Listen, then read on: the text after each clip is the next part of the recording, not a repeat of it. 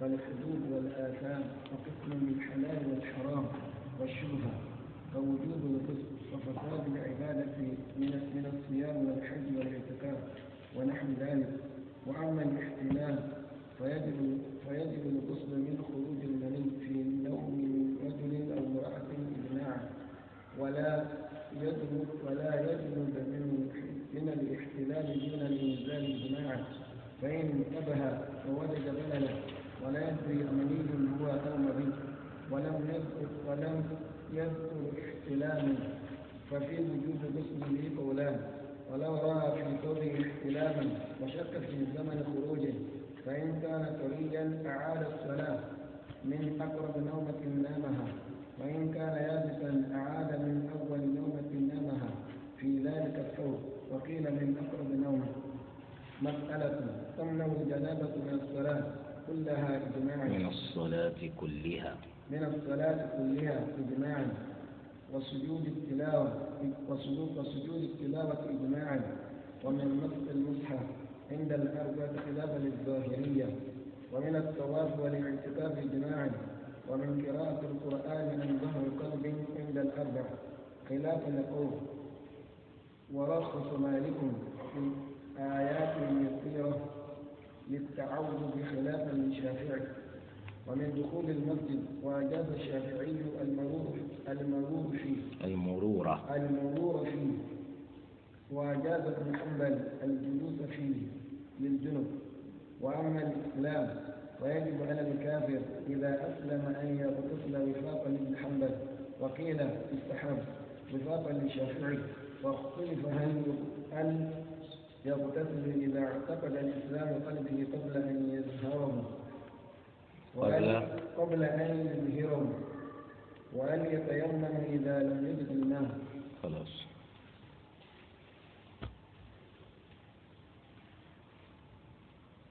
الحمد لله والصلاة والسلام على رسول الله محمد بن عبد الله وعلى آله وصحبه ومن والاه وبعد. السلام عليكم ورحمة الله وبركاته.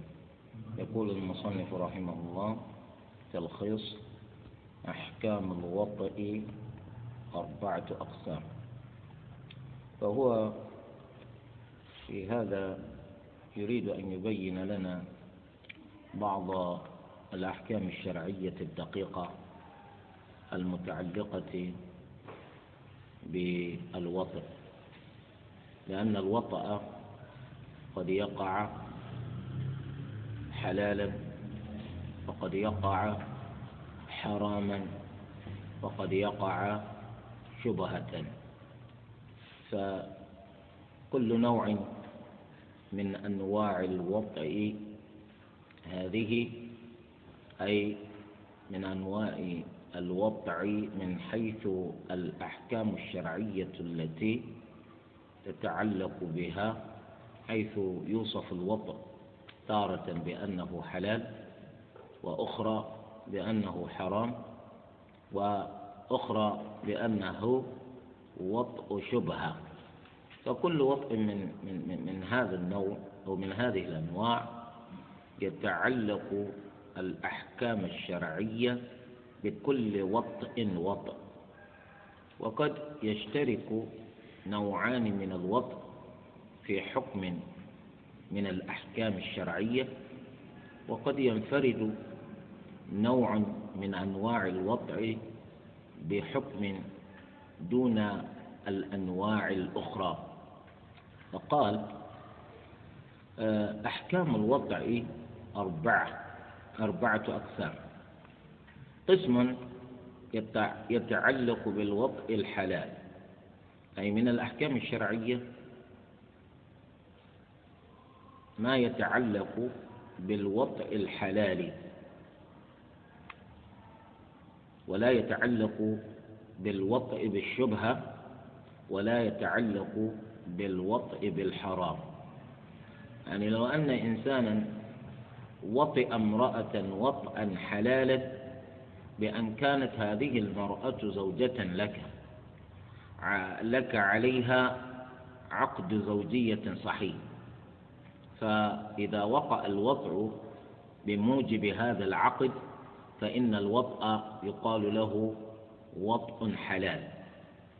فهذا النوع من الوطء يتعلق به ما يأتي من الأحكام. دون الوطء بالشبهة والوطء بالشبهة يقع نتيجة اشتباه الأمر على زوج مثلا كأن تكون في غرفته امرأة نائمة على سريره حيث لا ينام عليه أحد سوى زوجته.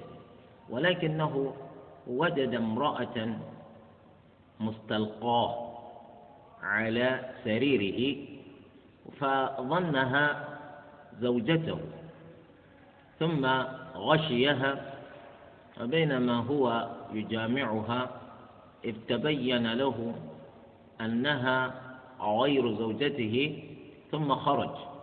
فهذا الوطء يقال له وطء شبهة. فهذه المرأة لا تحد ولا الرجل يحد لقيام هذه الشبهة إلا أن المرأة هذه تلام بأنها لماذا تجرأت؟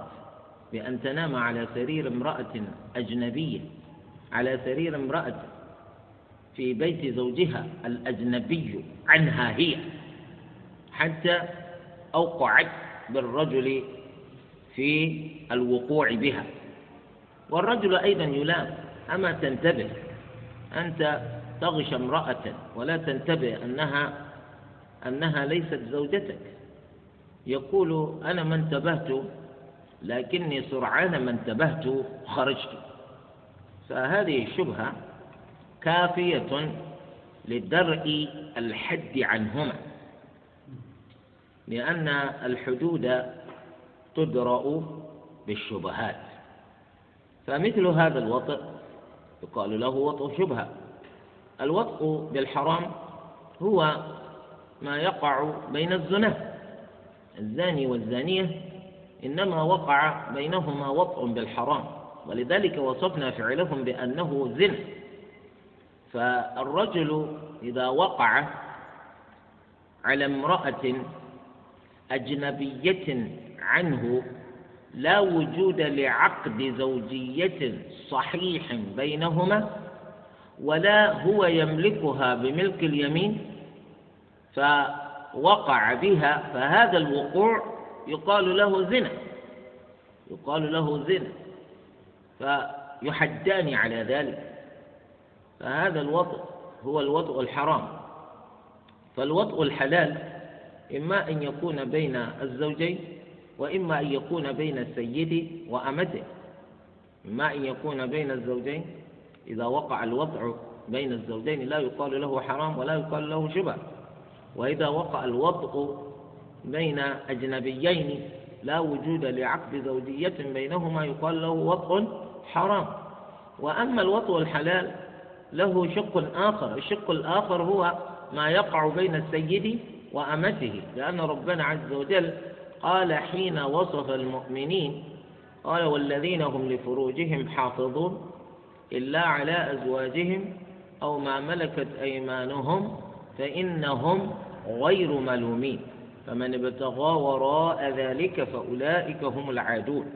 إذا الوطء الحلال إما أن يقع بين الزوجين وإما أن يقع بين السيد وأمته.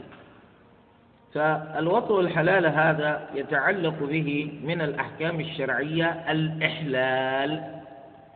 الإحلال هذا هو تحليل الزوج لزوجها الأول الذي كان قد طلقها ثلاثة فبانت منه بينونة كبرى. فهذه المرأة لا تحل لزوجها الأول ولا هو يحل لها حتى تنكح زوجا غيره. يقول الله عز وجل فإن طلقها فلا تحل له من بعد حتى تنكح زوجا غيره.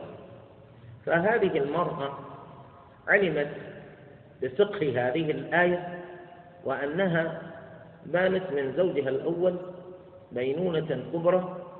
اللهم إلا أن تتزوج من رجل آخر فإذا تزوجت من رجل آخر وحصل أن طلقها هذا الزوج الآخر جاز لها وقتئذ إذا طلقها الزوج الآخر جاز لها وقتئذ أن تعود إلى زوجها الأول بنكاح وعقد جديدين. إذا إذا كان ذلك كذلك هذه المرأة تزوجت برجل آخر. الرجل الآخر هذا عقد عليها بعقد صحيح فوطئها. وبعد أن وطئها حصل نزاع ففراق بينهما جاز لها إذا طلقها هذا الآخر أن تعود إلى زوجها الأول بعقد بعقد زوجية صحيح الجديد. إذا كان ذلك كذلك. هذا الوضع الذي يؤثر في تحليلها لزوجها الأول لا بد أن يكون وطئا حلالا. بخلاف وطئ شبهة وبخلاف وطئ حرام. لو أنها ذهبت فزنت بعد أن بانت من زوجها فذهبت فزنت ظنا منها أنها إذا زنت تحل لزوجها الأول. نقول هذا لا يؤثر شيئا. هذا لا يجعلك حلالا لزوجك الأول. لو أنها وطئت بشبهة هذا كذلك لا يحلها لزوجها الأول.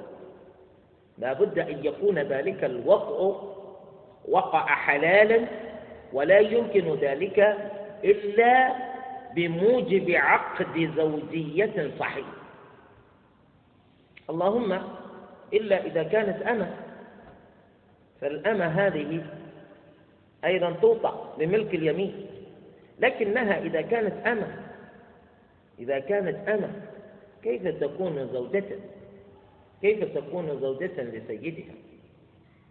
كيف تكون زوجة لسيدها؟ السيد إذا أراد أمته زوجة فإنه يعتقها فإذا عتق عتقها عقد عليها بالزواج.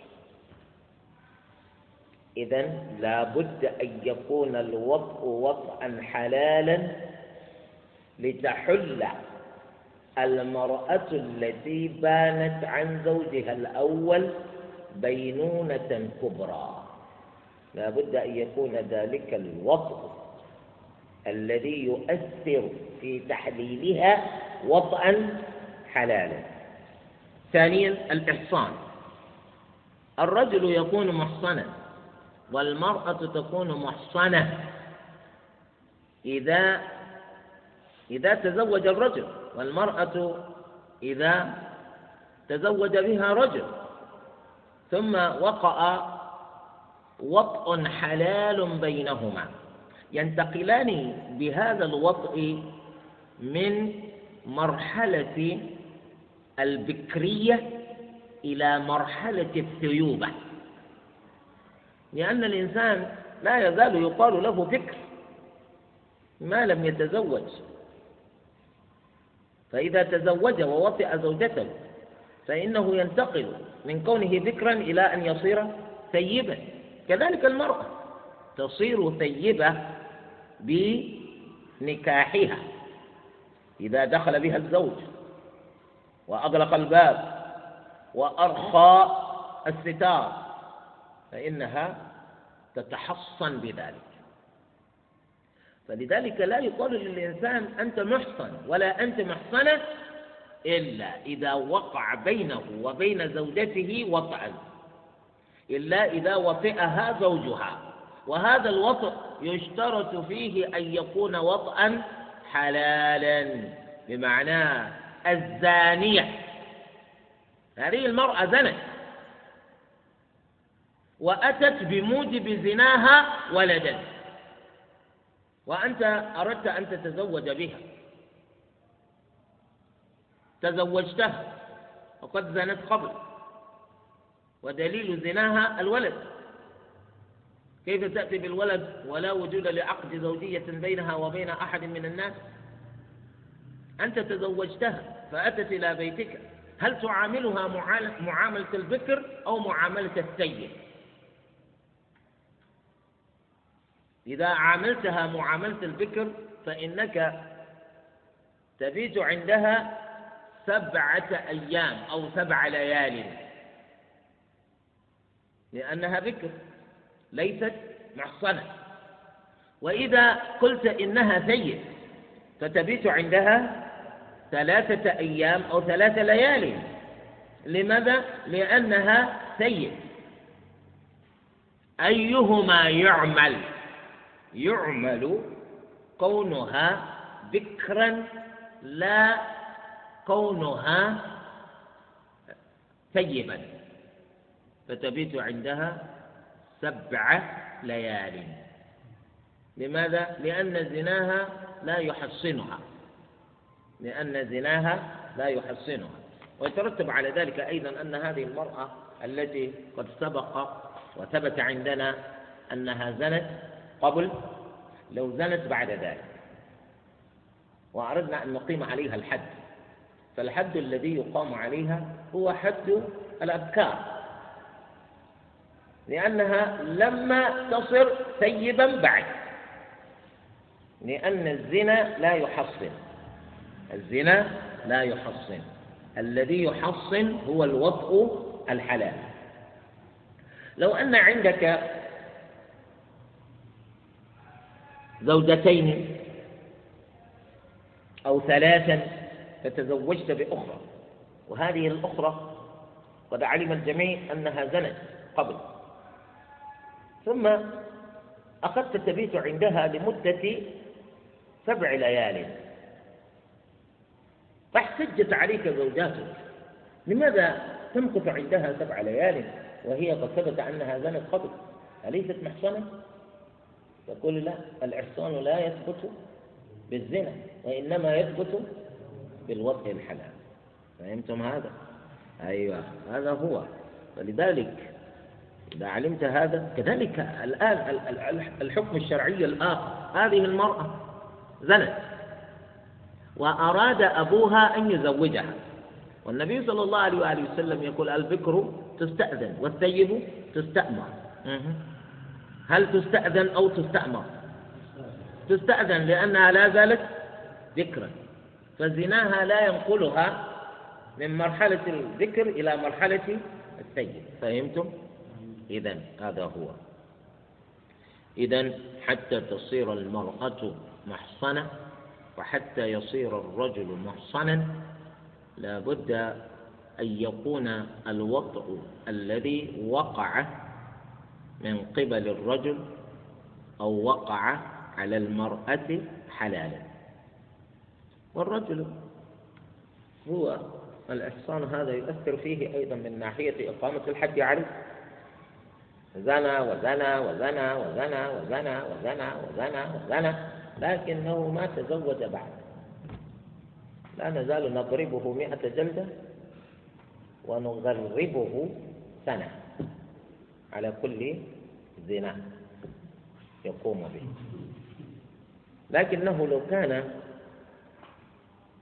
محصنا بأن بأن كان قد وطئ وطئا حلالا في عقد زوجية صحيح أو في ملك اليمين لا رجم حتى الموت. كذلك لو أن إنسانا وطئ أو وطئت المرأة بالشبهة فبوطئ فبالوطئ بالشبهة لا يثبت الإحصان. لا يثبت الإحصان. هذا هو. فلذلك ينتبه لهذا. وقسم يتعلق بالحلال وبالشبهة لا بالحرام.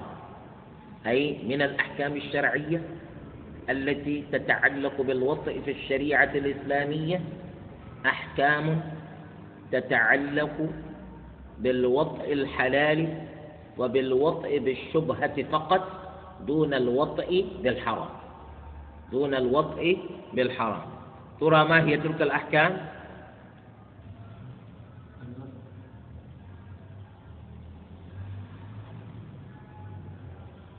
كالنسب. الإنسان لو وطئ امرأته وطئا حلالا فالولد هذا ينسب إليه. شئت أم أبيت؟ أنت وطئت امرأة وطئا حلالا فأتت المرأة بموجب هذا الوطئ بولد فالولد هذا ينسب إليه. لقول النبي صلى الله عليه وآله وسلم الولد للفراش أنت الزوج وأنت الذي تزوجت بهذه هذه المرأة. وقد أثبتت لنا أنك وطئتها فهذا الوطء الذي قمت به كاف لنسبة الولد إليه فالولد ولد فالولد ولدك. آه فلو فلو تزوج إنسان بامرأة فحملت منه بوطئه لها أول مرة. فطلقها بعد ذلك. لا لا لا لا هي مكثت عندي شهرا فقط والولد ليس ولدي ولدك شئت ما بيت فهمتم؟ لأن الوطأ هذا وطء حلال. كذلك لو أن إنسانا وطئ امرأة بشبهة كما قلنا ثم حملت تلك المرأة. حملت تلك المرأة فالولد ينسب إليك ولا يقال لك زاني. لا يقال لك زاني ولا يقال لها زانية. والولد يكون ولدك حتى لو كانت زوجة لغيرك. لأنك إنما وطئتها بشبهة وثبت هذا الوصف. ولا تنكرها المرأة ولا ينكرها الرجل فالولد ولد. يثبت بذلك الوطئ النسب. كذلك الحدود. آه، كذلك العدة. العدة. إذا أنت وطئت امرأة وطئا حلالا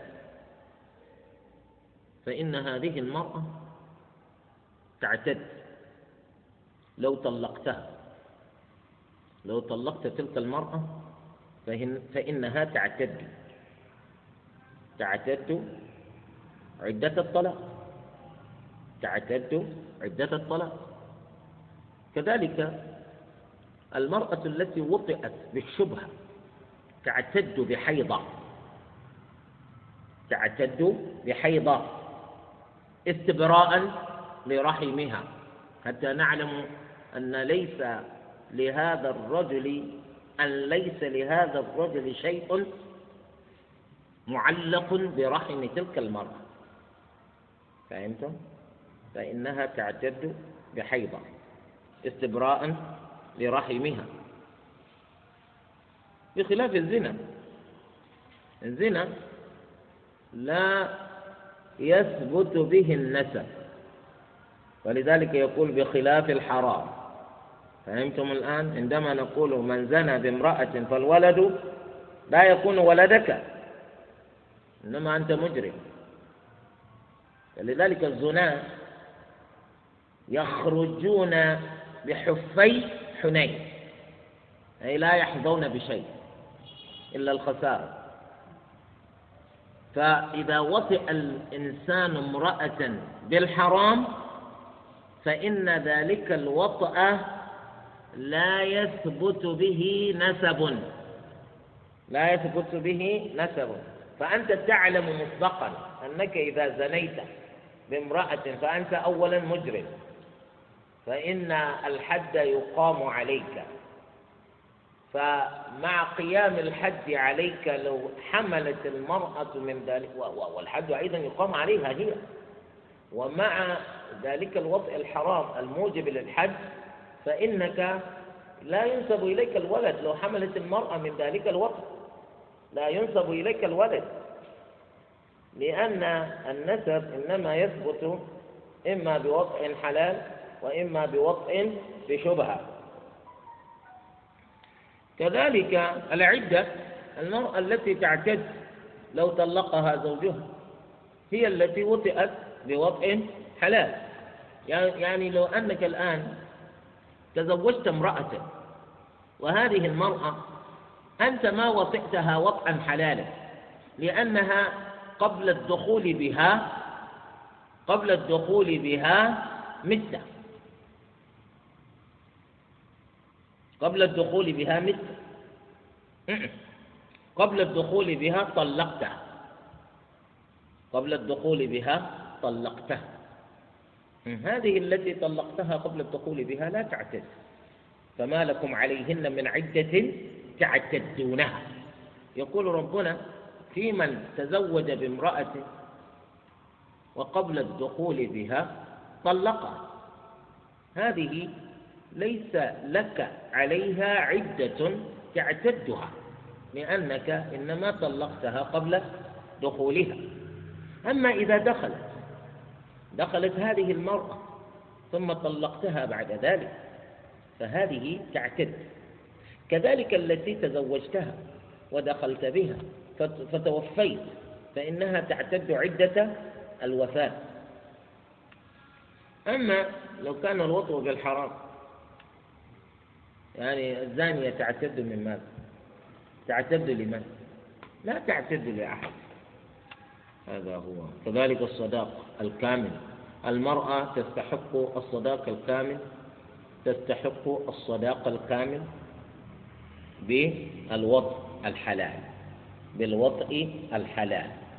يعني المرأة هذه أنت دخلت بها ووطئتها فإنها تستحق الصداقة الكاملة. الدخول بها هذا ماذا يقصد به في الفقه الإسلامي هل معنى ذلك أنك دخلت بها بيتك؟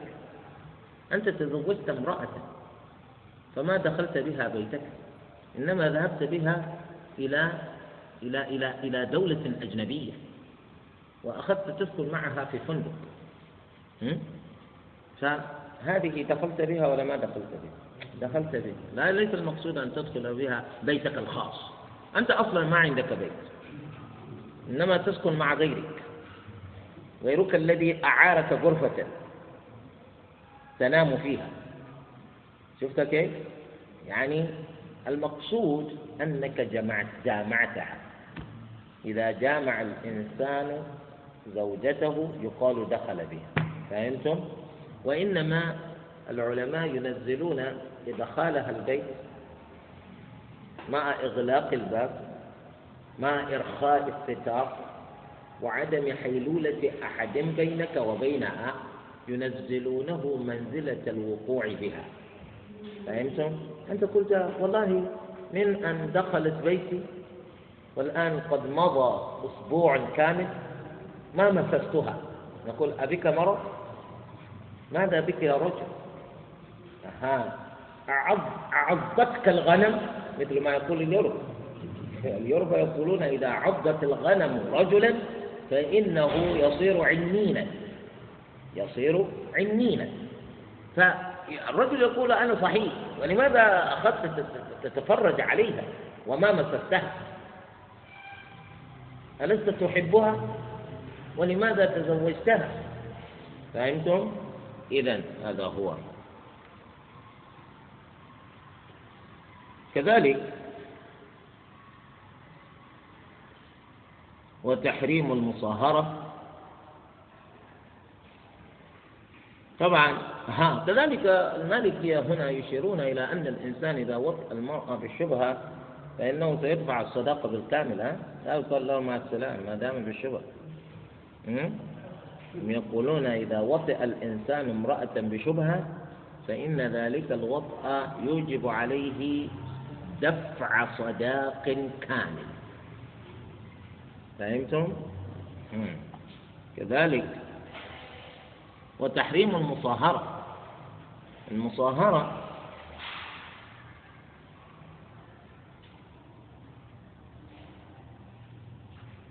أقرباء أو قريبات زوجتك. قريبات زوجتك. يحرمن عليك. أمها كذلك بنتها أختها. يعني هؤلاء الذين يحرمون بالمصاهرة إذا وقع الوطء الحلال إذا وقع الوطء الحلال أو بشبهة فإن من يحرمن بالمصاهرة يحرمن عليه. يقول الله عز وجل وأمهات نسائكم وربائبكم اللاتي في حجوركم من نسائكم اللاتي دخلتم بهن فإن لم تكونوا دخلتم بهن فلا جناح عليه فلا جناح عليه إذا من يحرمن بالمصاهرة؟ يحرمن عليك بالوطئ الحلال؟ وبالوطئ بالشبهة مسألة. رجل وطئ امرأة بالحرام طبعا. ولا زالت هذه المرأة خدنته حتى وجد فتاة بكرا أشعلت نار حبه.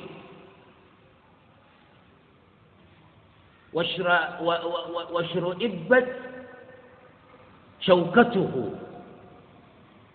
إلى الأخذ بيدها زوجة. فبينما هم في الأخذ والرد في أمر الزواج. إذا لتلك الفتاة تطلب إلى ذلك الرجل أي أن يصاحبها إلى بيت أهلها لتقدمه إلى أمها لأن أباها قد مات. وفور وصولهم إلى البيت إذا بامرأة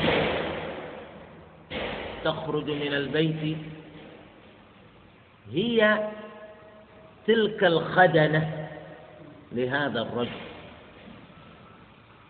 سبحان الله سبحان الله أنت تسكنين هنا أنت تسكنين نعم أنا أسكن هنا.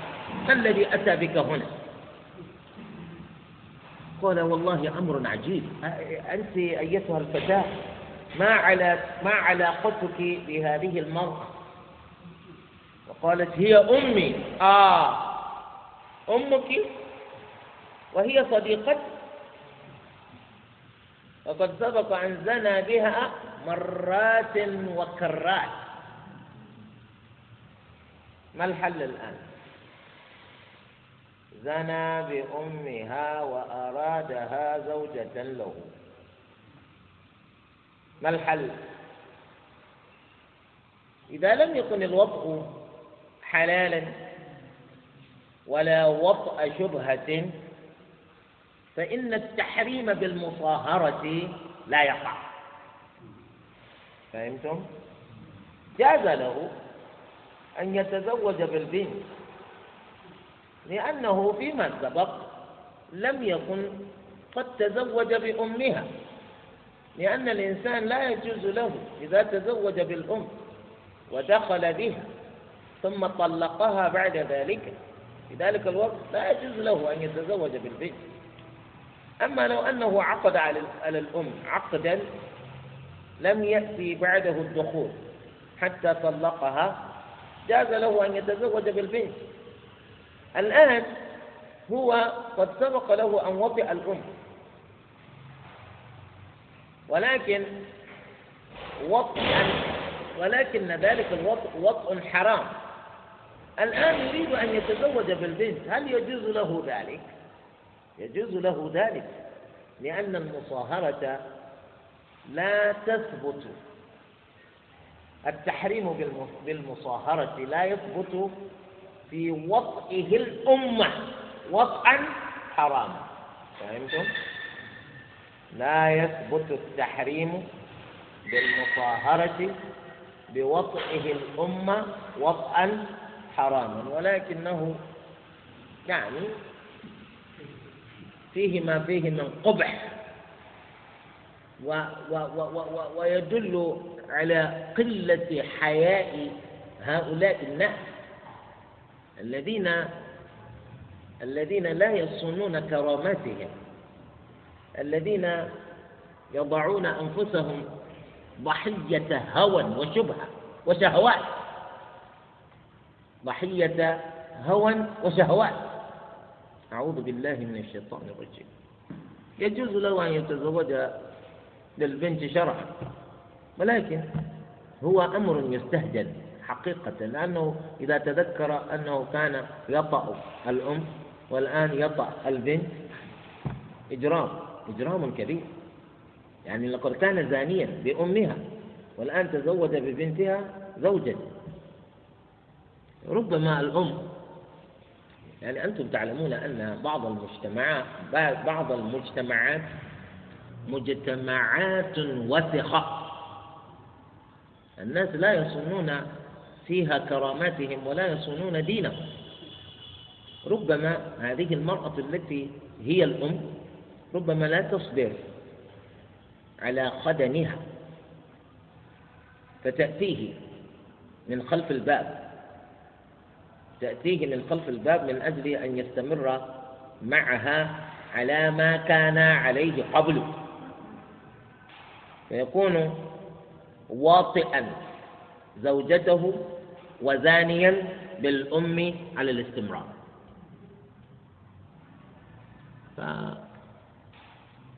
فمن حيث الحكم الشرعي يجوز له أن يتزوج بالبنت إن رضي وليها أن يزوج أن يزوجها له. وللأم هنا أن تعمل بكل طاقتها أن تمنع وقوع هذا النكاح. وإن كانت هي في حقيقة نفسها مجرمة. هي مجرمة لماذا تزنين؟ لماذا تزنين؟ أعوذ بالله من الشيطان الرجيم. يعني بعض المجتمعات الناس فيها للأسف الشديد هم أهل فحشاء أهل زنا. بل تجدون أمثال أولئك يتبجحون بزناهم وأنهم زناة وأن الله عز وجل إذا إذا جاء يوم القيامة فإنه لا يلومهم على شيء إلا على زناهم لأنهم قد انغمسوا في الزنا ولا يستطيعون أن يتخلصوا منه. أعوذ بالله.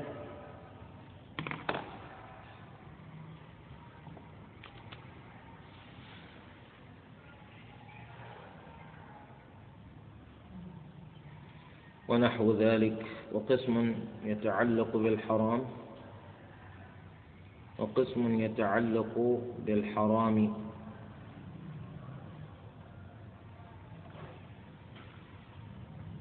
وقسم يتعلق بالحرام المحض. يعني الوطء الذي هو حرام وليس فيه شيء من الشبهة. هذا يتعلق به الحدود أي إقامة حد الزنا. حد الزنا يقام على الذي وطئ وطئا حراما. هذا بلا نزاع بين العلماء. أن الذي زنى فإنه يحد. إذا كان ذكرا فمئة جلدة وتغريب عام وإذا كان ثيبا فإنه يرجم حتى الموت. أما الإنسان الذي الذي وطئ زوجته لا يقال له زنا ولا يقام عليه الحد كذلك من وقع في الوطئ بالشبهة لا يقال إنه زنى ولا يقام عليه الحد إذا كذلك الآثام الآثام الذي وطئ وطئا حلالا فإنه يكون له في ذلك أجر. أما الذي وطئ وطئا حراما يكون عليه في ذلك وزر. والنبي صلى الله عليه وسلم يقول في حديث معاذ بن جبل رضي الله عنه يقول وفي بضع أحدكم صدقة. قال يا رسول الله أيأتي أحدنا شهوته ثم يكون له فيها أجر قال النبي صلى الله عليه وسلم أرأيتم لو, لو وضعها في حرام يكون عليه وزر؟ قالوا نعم. قال كذلك لو وضعها في حلال. إذا هذا يؤجر وهذا وهذا يأثم. وقسم يتعلق بالحلال والحرام. أي من الأحكام الشرعية ما يتعلق بالوطء الحرام ويتعلق بالوطء الحلال ويتعلق بالوطء بالشبهة أي يتعلق بجميع أنواع الوطء كوجوب الغسل الزاني يغسل يغتسل من الجنابة والذي وطئ زوجته يغتسل من الجنابة والذي وطئ بالشبهة يغتسل أيضا من الجنابة. هذا بالاتفاق. بخلاف ما يقوله الجهال أنصاف العلماء.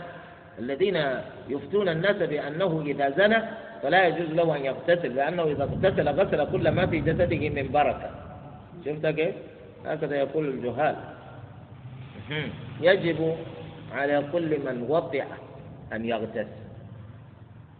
بصرف النظر عن الحكم الشرعي المناط بذلك النوع من الوطء يجب أن يغتسل. لأن الجنابة بوطئه قائمة به. والواجب على المسلم أن يرفع عنه الجنابة حتى يتسنى له القيام بالعبادات التي الطهارة من الجنابة شرط لصحتها. ثانيا وفساد العبادات. أي نعم. يعني هناك من العبادات الشرعية التي تفسد. هناك من العبادات الشرعية التي تفسد على القائم بها. هناك من العبادات الشرعية ما يفسد على القائم بها إذا وطئ من ذلك الصيام. الصائم إذا وطئ سواء أكان ذلك الوطء حلال أو حرام أو بشبهة بطل صومه فسد صومه.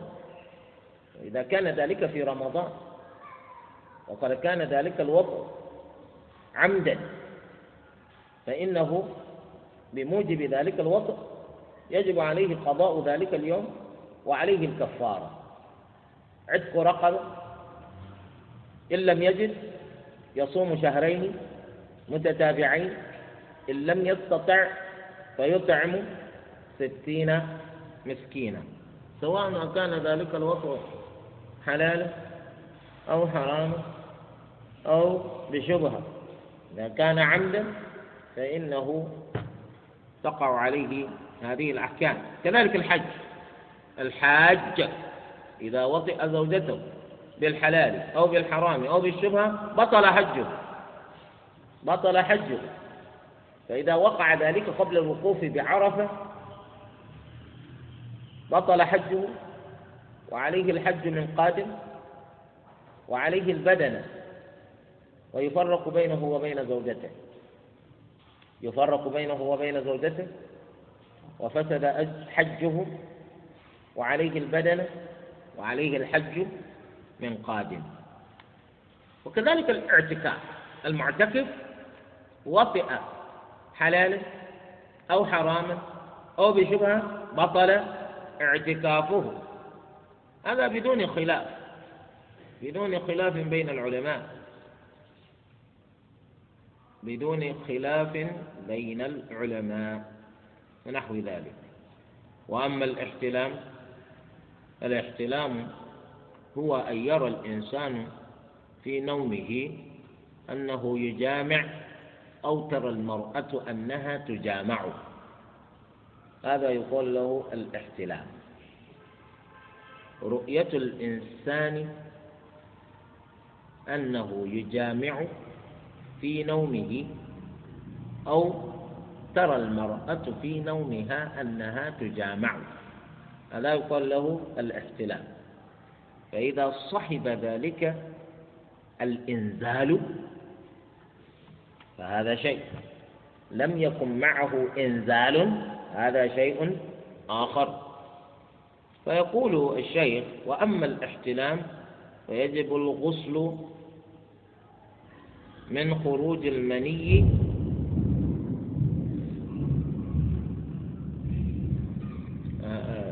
هل لدى أحد أحدكم مصباح؟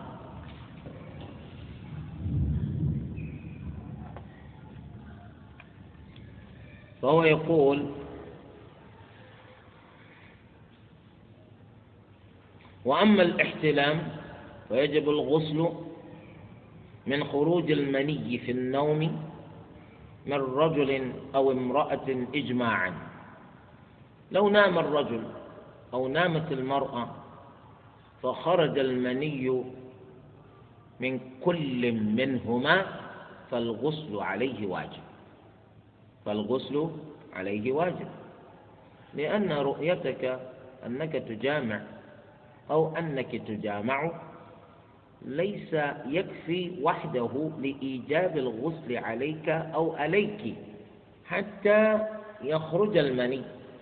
فإذا خرج المني وجب الغسل. لحديث النبي صلى الله عليه وآله وسلم إنما الماء من الماء أو الماء من الماء.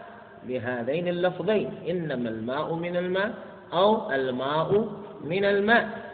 إذا خرج الماء منك فقد وجب فقد وجب غسل جسمك بالماء عليك. هذا هو. ولا فرق في ذلك بين الرجل والمرأة. هذا إجماعا. إجماعا. إنما الماء من الماء. ولا يجنب من الاحتلام دون الإنزال إجماعا. لو أن الإنسان نام فرأى في منامه أنه يجامع ورأت المرأة في نومها أنها تجامع. فإن كل واحد منهما لا يجب عليه الغسل حتى يرى المني قد خرج ونزل منه. أما مجرد رؤيتك أنك تجامع في النوم أو أنك تجامع في منامك هذا وحده لا يجب عليك ولا عليك الغسل حتى يكون معه الإنزال. هذا بالإجماع من العلماء. وإلا الناس يرون مثل هذه الأشياء في منامهم. فإذا لم يرى منيا قد خرج منه فلا كلام عن الغسل لا كلام عن الغسل. لذلك إذا قلنا آه، الاحتلام الاحتلام علامة من علامات البلوغ. قول النبي صلى الله عليه وآله وسلم رفع القلم عن ثلاث. ذكر منهم الصبي حتى يحتلم. فالاحتلام علامة من علامات البلوغ. فما المقصود بالاحتلام هنا؟ ليس المقصود بالاحتلام في هذا الحديث رؤية الإنسان أنه يجامع فقط دون الإنزال. إذا رأى أنه يجامع أو رأت المرأة أنها تجامع وصاحب ذلك الإنزال يقال قد بلغ هذا الصبي. فإلا ترى في منامك أنك تجامع غير, غير أنك ما خرج منك شيء هذا لا يكون علامة للبلوغ. بمعنى إن المنية لا يخرج إلا من بالغ. إن المنية لا يخرج من أحد. ذكرا كان أو أنثى إلا إذا كان بالغا. لذلك فإن انتبه إذا قام واستيقظ من نومه ووجد بللا أي وجد ماء في سرواله ولا يدري أمني هو أو مذي هو لا يدري. ليس مميزا لذلك لا يدري هل هذا البلد مني أو هو مذي ولم يذكر احتلاما ولم يذكر أنه رأى في منامه أنه يجامع حتى يقول آه رؤيتي جماعي في نومي هو الذي خرج معه ذلك المني. هو لم يتذكر أنه رأى في منامه أنه يجامع أو أنها تجامع. ففي وجوب غسله قولان. يعني العلماء هنا يختلفون هل يغتسل أو لا يغتسل. سيما وأن البلل الذي رأى في سرواله لا يستطيع أن يميز لا يدري أمني, أمني هو أم مذي؟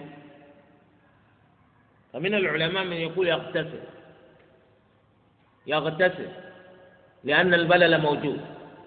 وقد خرج من وقد خرج وقت النوم. والغالب أن يكون منيا. لأن هذا الإنسان مطالب بأن يعبد الله عز وجل بيقين واليقين هذا لا يتحقق إلا بغسل. كيف إذا كان الذي خرج منه مذيا؟ وربنا عز وجل ما أوجب علينا الغسل لسبب خروج المذي. ماذا تقولون لله يوم القيامة؟ نقول يا الله ما ندري. لما ما درينا قلنا له يغسل حتى تبرأ ذمته. لأننا نخاف كذلك أن لو قلنا له لا تغتسل فيكون الخارج منيا. ماذا نقول يوم القيامة؟ ثم هو لا يغتسل يوم القيامة صح؟ والعبادات التي تأتي بعد ذلك ماذا يقول عنها؟ وهي عبادات تشترط لها الطهارة من الجنابة فإذا كان هو حاملا للجنابة ويعبد نقول إيجاب غسل الجنابة عليه والحال هذه أسلم من القول بألا يغتسل. القول الثاني الذي يقول لا يغتسل يقول لا يغتسل إلا بموجب. إلا بموجب متيقن.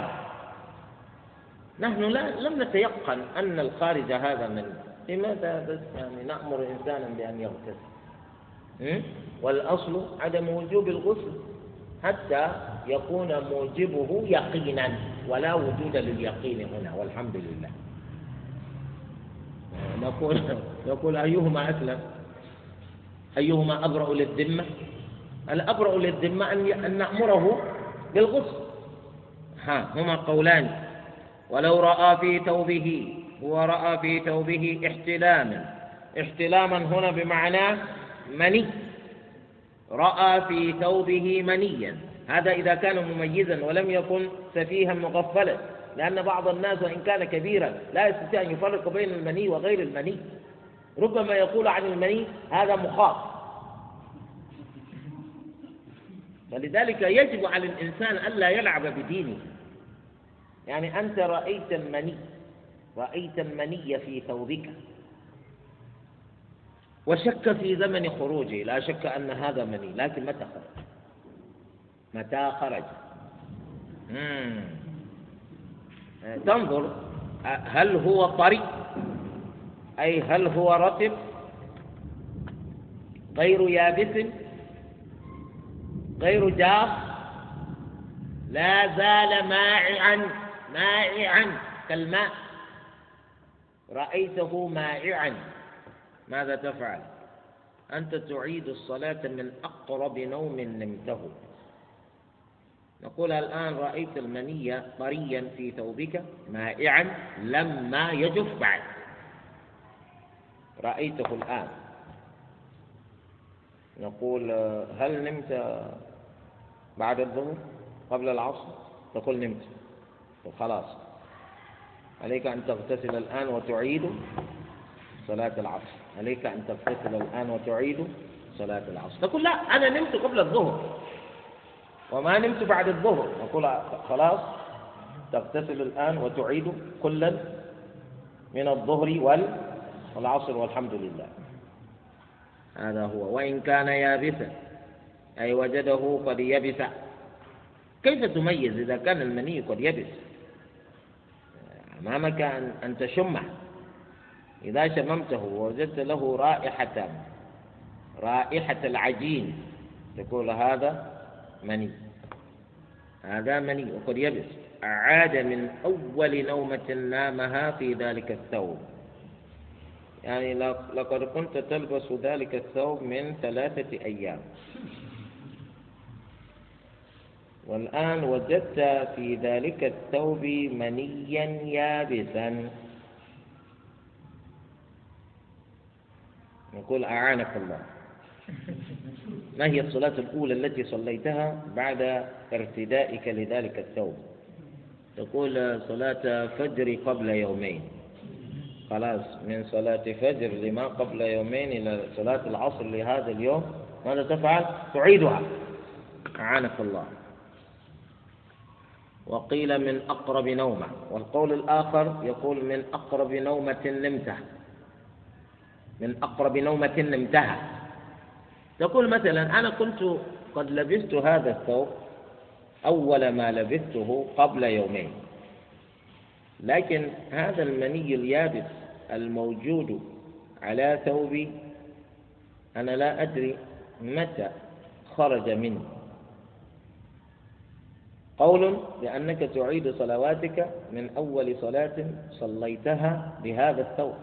والقول الآخر يقول ننظر إلى أقرب نومة نمتها قبل رؤيتك لهذا المني قال أنا أقرب نومة نمتها النومة التي نمتها قبل فجر اليوم. نقول إذا تعيد صلواتك من فجر اليوم إلى عصر اليوم. لكن هذا قد لا يكون أسلم لأن المني هذا قد يكون قبل ذلك بكثير لا سيما وهو يابس. لذلك الذي تبرأ به الذمة أن نقول له أعانك الله تعيد الصلوات هذه من أول صلاة صليتها بهذا الثوب هذا الأسلم والله أعلم. مسألة.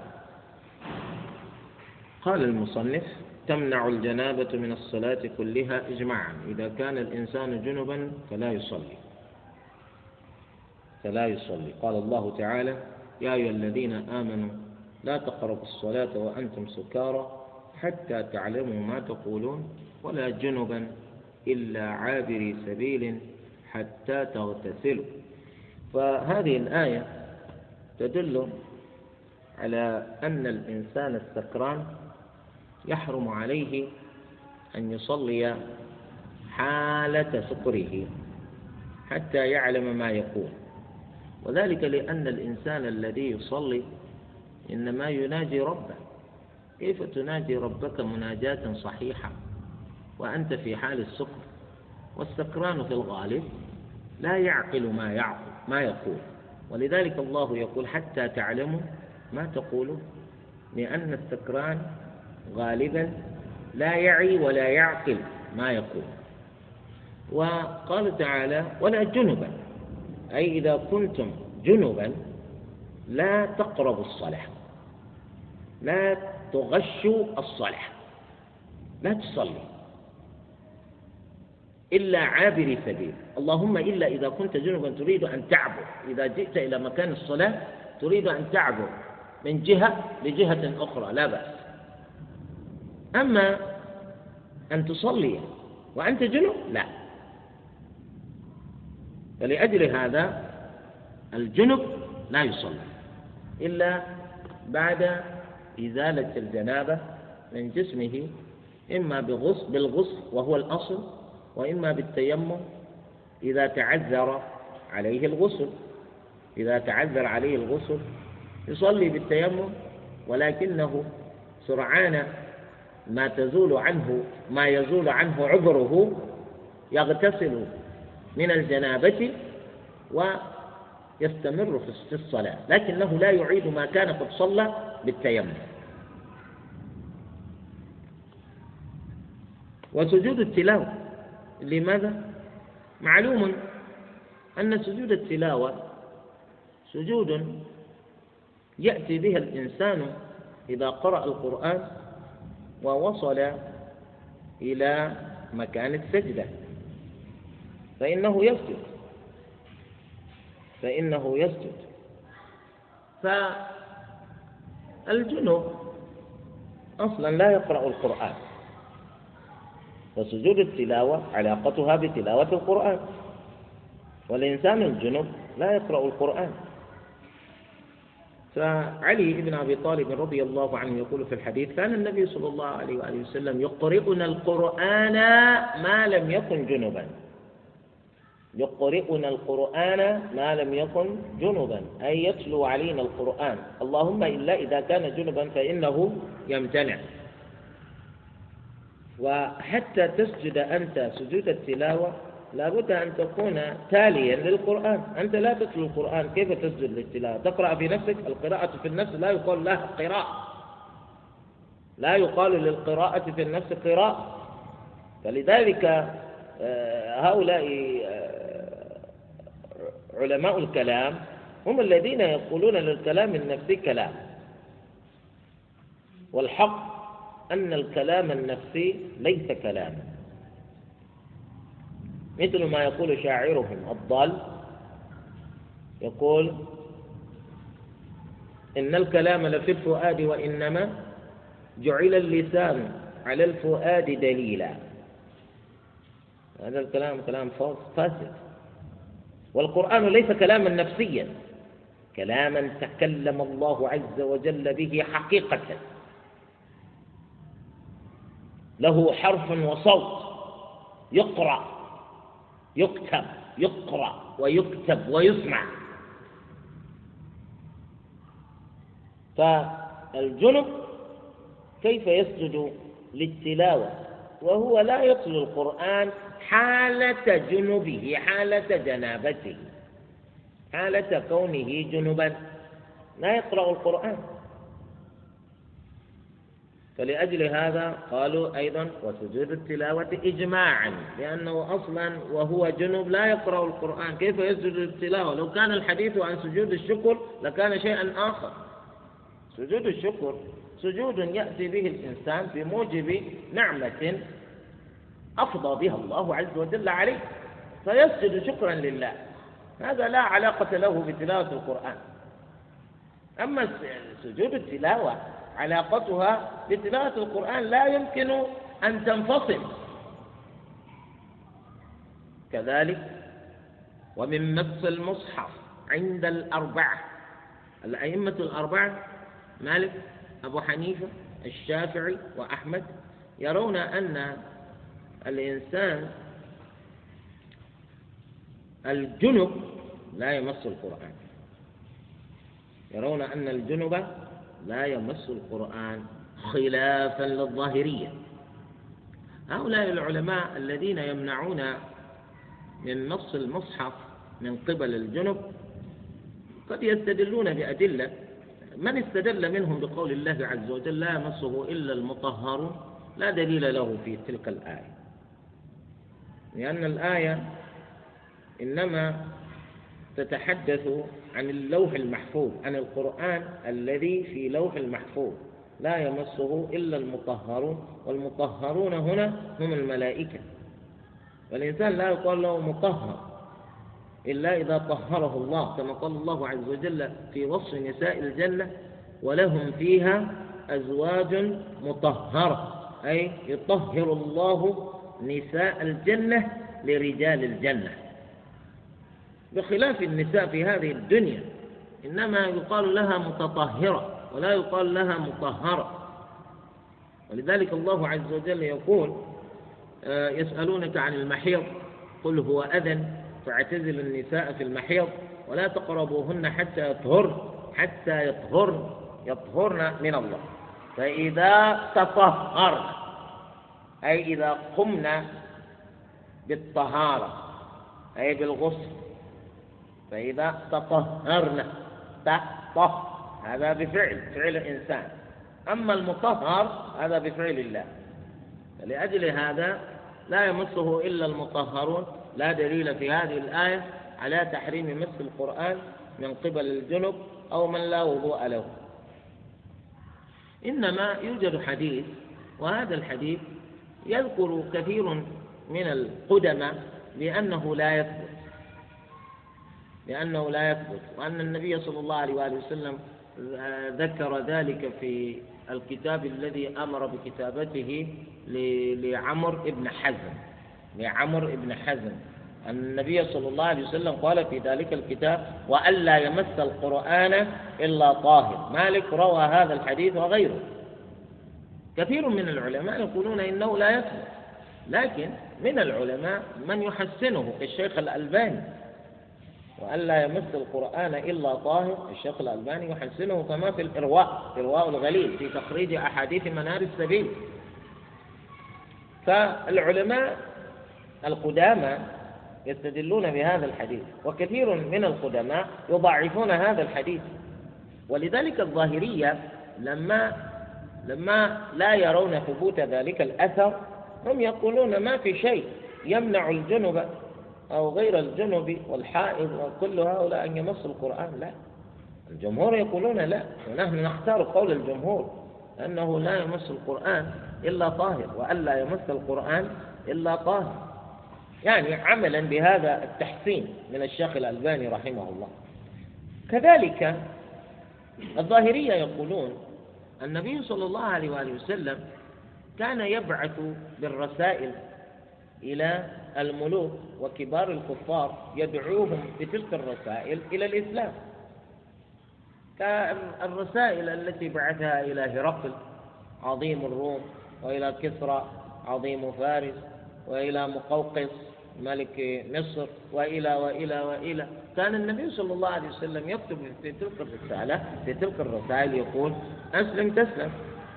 قل يا أهل الكتاب تعالوا إلى كلمة سواء بيننا وبينكم ألا نعبد إلا الله ولا نشرك به شيئا ولا يتخذ بعضنا بعضا أربابا من دون الله. هذه آية. ماذا تقولون؟ والرسالة قد بعثت إلى زعيم الكفار. ماذا تقولون؟ والكافر جنب وزيادة.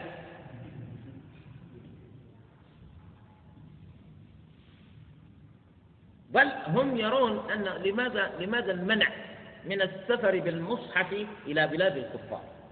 الظاهرية ينازعون في هذا أيضا لأنهم يقولون ما دام النبي صلى الله عليه وسلم قد بعث الرسائل وهي تحتوي على آية من آيات القرآن إلى الكفار ما في دليل على ألا نسافر بالمصاحف إلى بلاد الكفار لأن القول في آية كالقول في المصحف كله. القول في المصحف كله كالقول في آية. هكذا يقول الظاهري. على أي حال؟ نحن نقول أولا الجنب آه، لا يحمل القرآن. كذلك الحائض لا تحمل القرآن. لهذا الحديث وألا يمس القرآن إلا طاهر.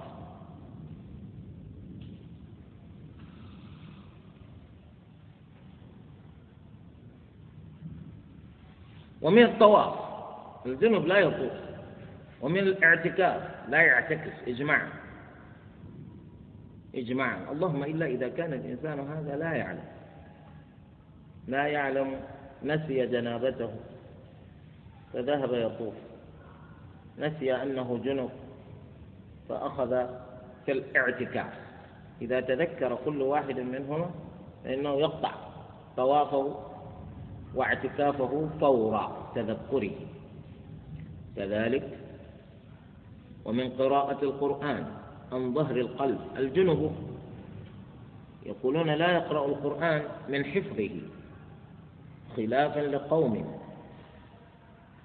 من الناس من يقول يقرأ ما في شيء والعلماء علماء المذاهب الأربعة هم يقولون لا يقرأ ولو من حفظه.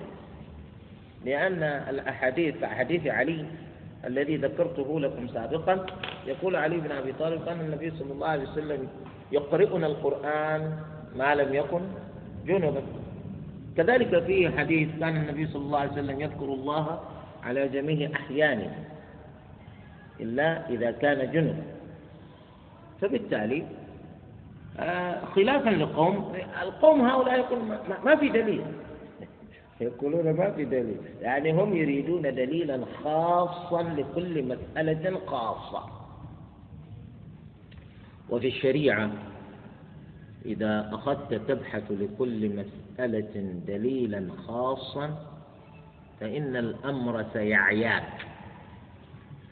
لأن الشريعة مبناها على أن على أن نستنبط الأحكام لكثير من الأشياء. وهذا الاستنباط هو الذي يميز عالما من غيره الذي أعياك يسهل على غيرك. وهكذا فعدم دليل معين لا يستلزم عدم مدلول معين. نكتفي بهذا القدر. نسأل الله عز وجل أن يفقهنا في ديننا وأن يعلمنا ما جهلنا وأن يبارك لنا فيما علمنا وأن يزيدنا علما. سبحانك اللهم وبحمدك أشهد أن لا إله إلا أنت أستغفرك وأتوب إليك.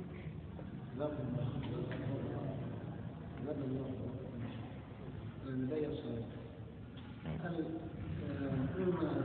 عنه في شرح هذا الكتاب أن لا يكون ذلك عليه بما هل يجب هذا ذلك الكفارة من وقع ذلك في رمضان؟ اي نعم. الكفارة الكفارة تجب على الزنا إذا زنوا في رمضان. لأننا حتى لو تم القبض على الزاني وعلى الزانية وأنهما زنيا آه، الحد لا يقام عليهم في ذلك اليوم. الحد لا يقام عليهم في ذلك اليوم. فإننا يعني نعمل جاهدا على درء ذلك الحد عنهما بالشبهة إن وجدت كذلك إذا لم يكن الزنا هذا قد ثبت بإقرار بإقرار من الزانيين ولا هو ثبت بشهود لا لبس في شهادتهم ولا غموض لأنهم قد يشهدون عليهما بالزنا. ونجد شيئا نتخذه شبهة لدرء ذلك الحد عنهم فتنقلب الشهادة على الشهود. يقول أنت تقول وهذا قال وذاك قال كلامكم لا يتفق. فبالتالي نتهمكم بأنكم قد قذفتموه بالزنا وهو ما فيجلد كل واحد منهم ثمانون جلدة وهكذا ثمانين جلدة نعم.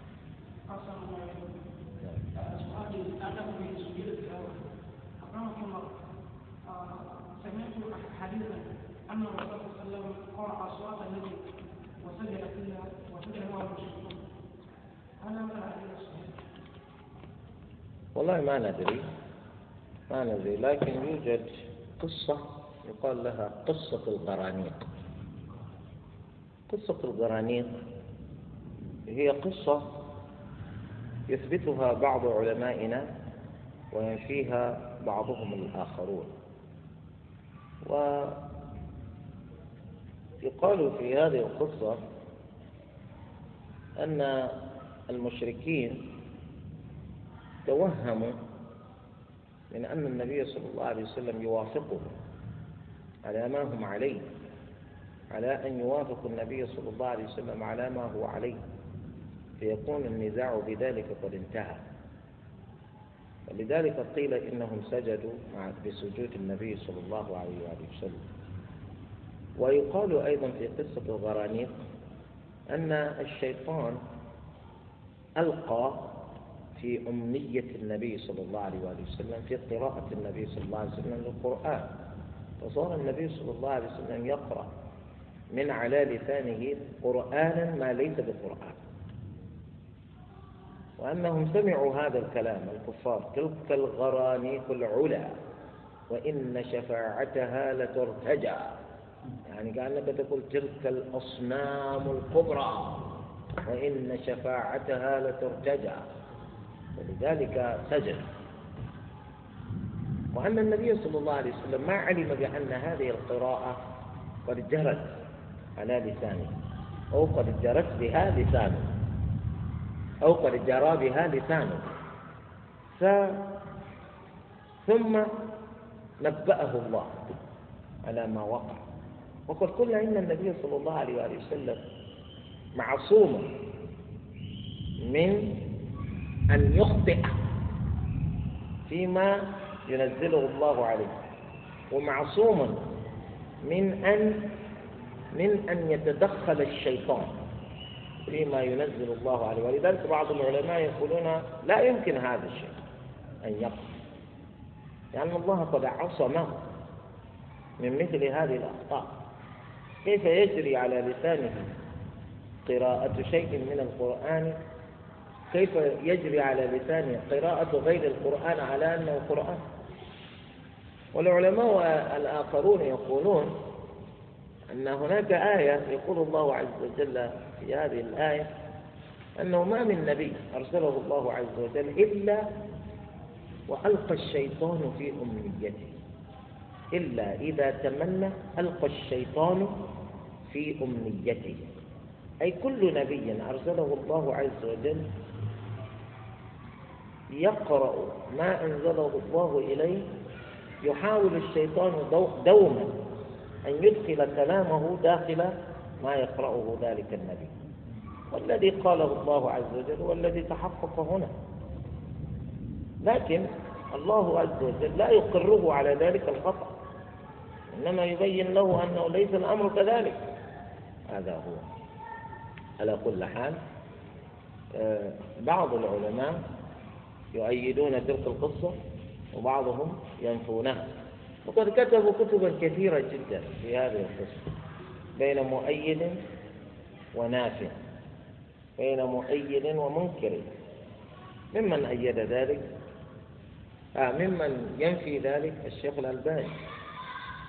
بل كتب كتابا نصف كذا نصف المجانيك آه نصف المجانيك في نصف آه آه نصب المنجنيك في نصف المجانيك مجانيك أو شيء من هذا. ومن المشايخ الذين يؤيدون هذا الشيخ عبد الله الغنيمان. الشيخ عبد الله الغنيمان هذا آه، عالم بالعقيدة عالم كبير جدا بالعقيدة وهو الذي قام بإعادة شرح كتاب التوحيد من صحيح الشيخ من صحيح الإمام البخاري لأنهم يقولون إن الحافظ ابن حجر رحمه الله آه، أخطأ عند شرحه لكتاب التوحيد من صحيح البخاري لأنه أول أول بعض الصفات. وهذا ينافي عقيدة أهل السنة والجماعة. ولأجل هذا الشيخ عبد الله الغنيمان بأمر من الجامعة من الجامعة الإسلامية قام بإعادة شرح كتاب التوحيد من صحيح البخاري في مجلدين. وهو عالم كبير جدا. وهو أحد علمائنا الذين درسون التوحيد. فشيخ الغنيمان ويقول لا هذه القصة ثابتة ولا يمكن أن ينكر. الله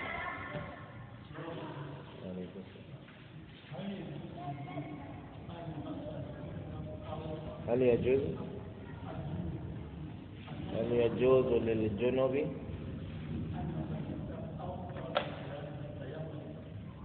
أن يمس المصحف أو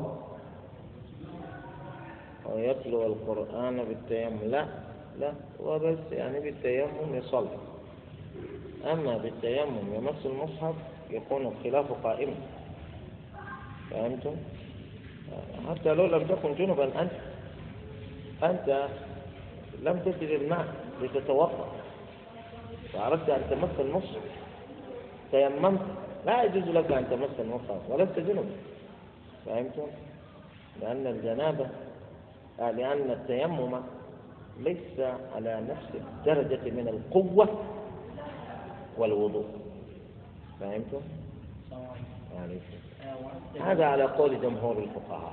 على قول بعضهم يقول التيمم رافع كما الوضوء رافع ويقول يجوز. نعم. وهل تجوز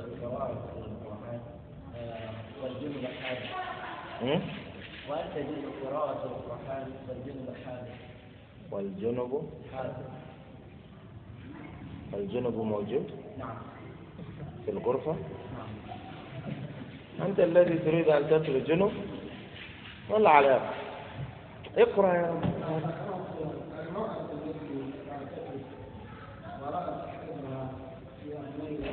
تخرج. تخرج مباشرة.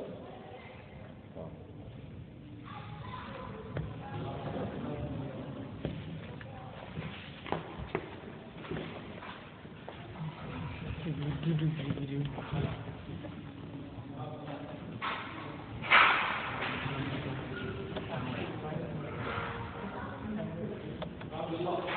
wo sálátì nìyẹn.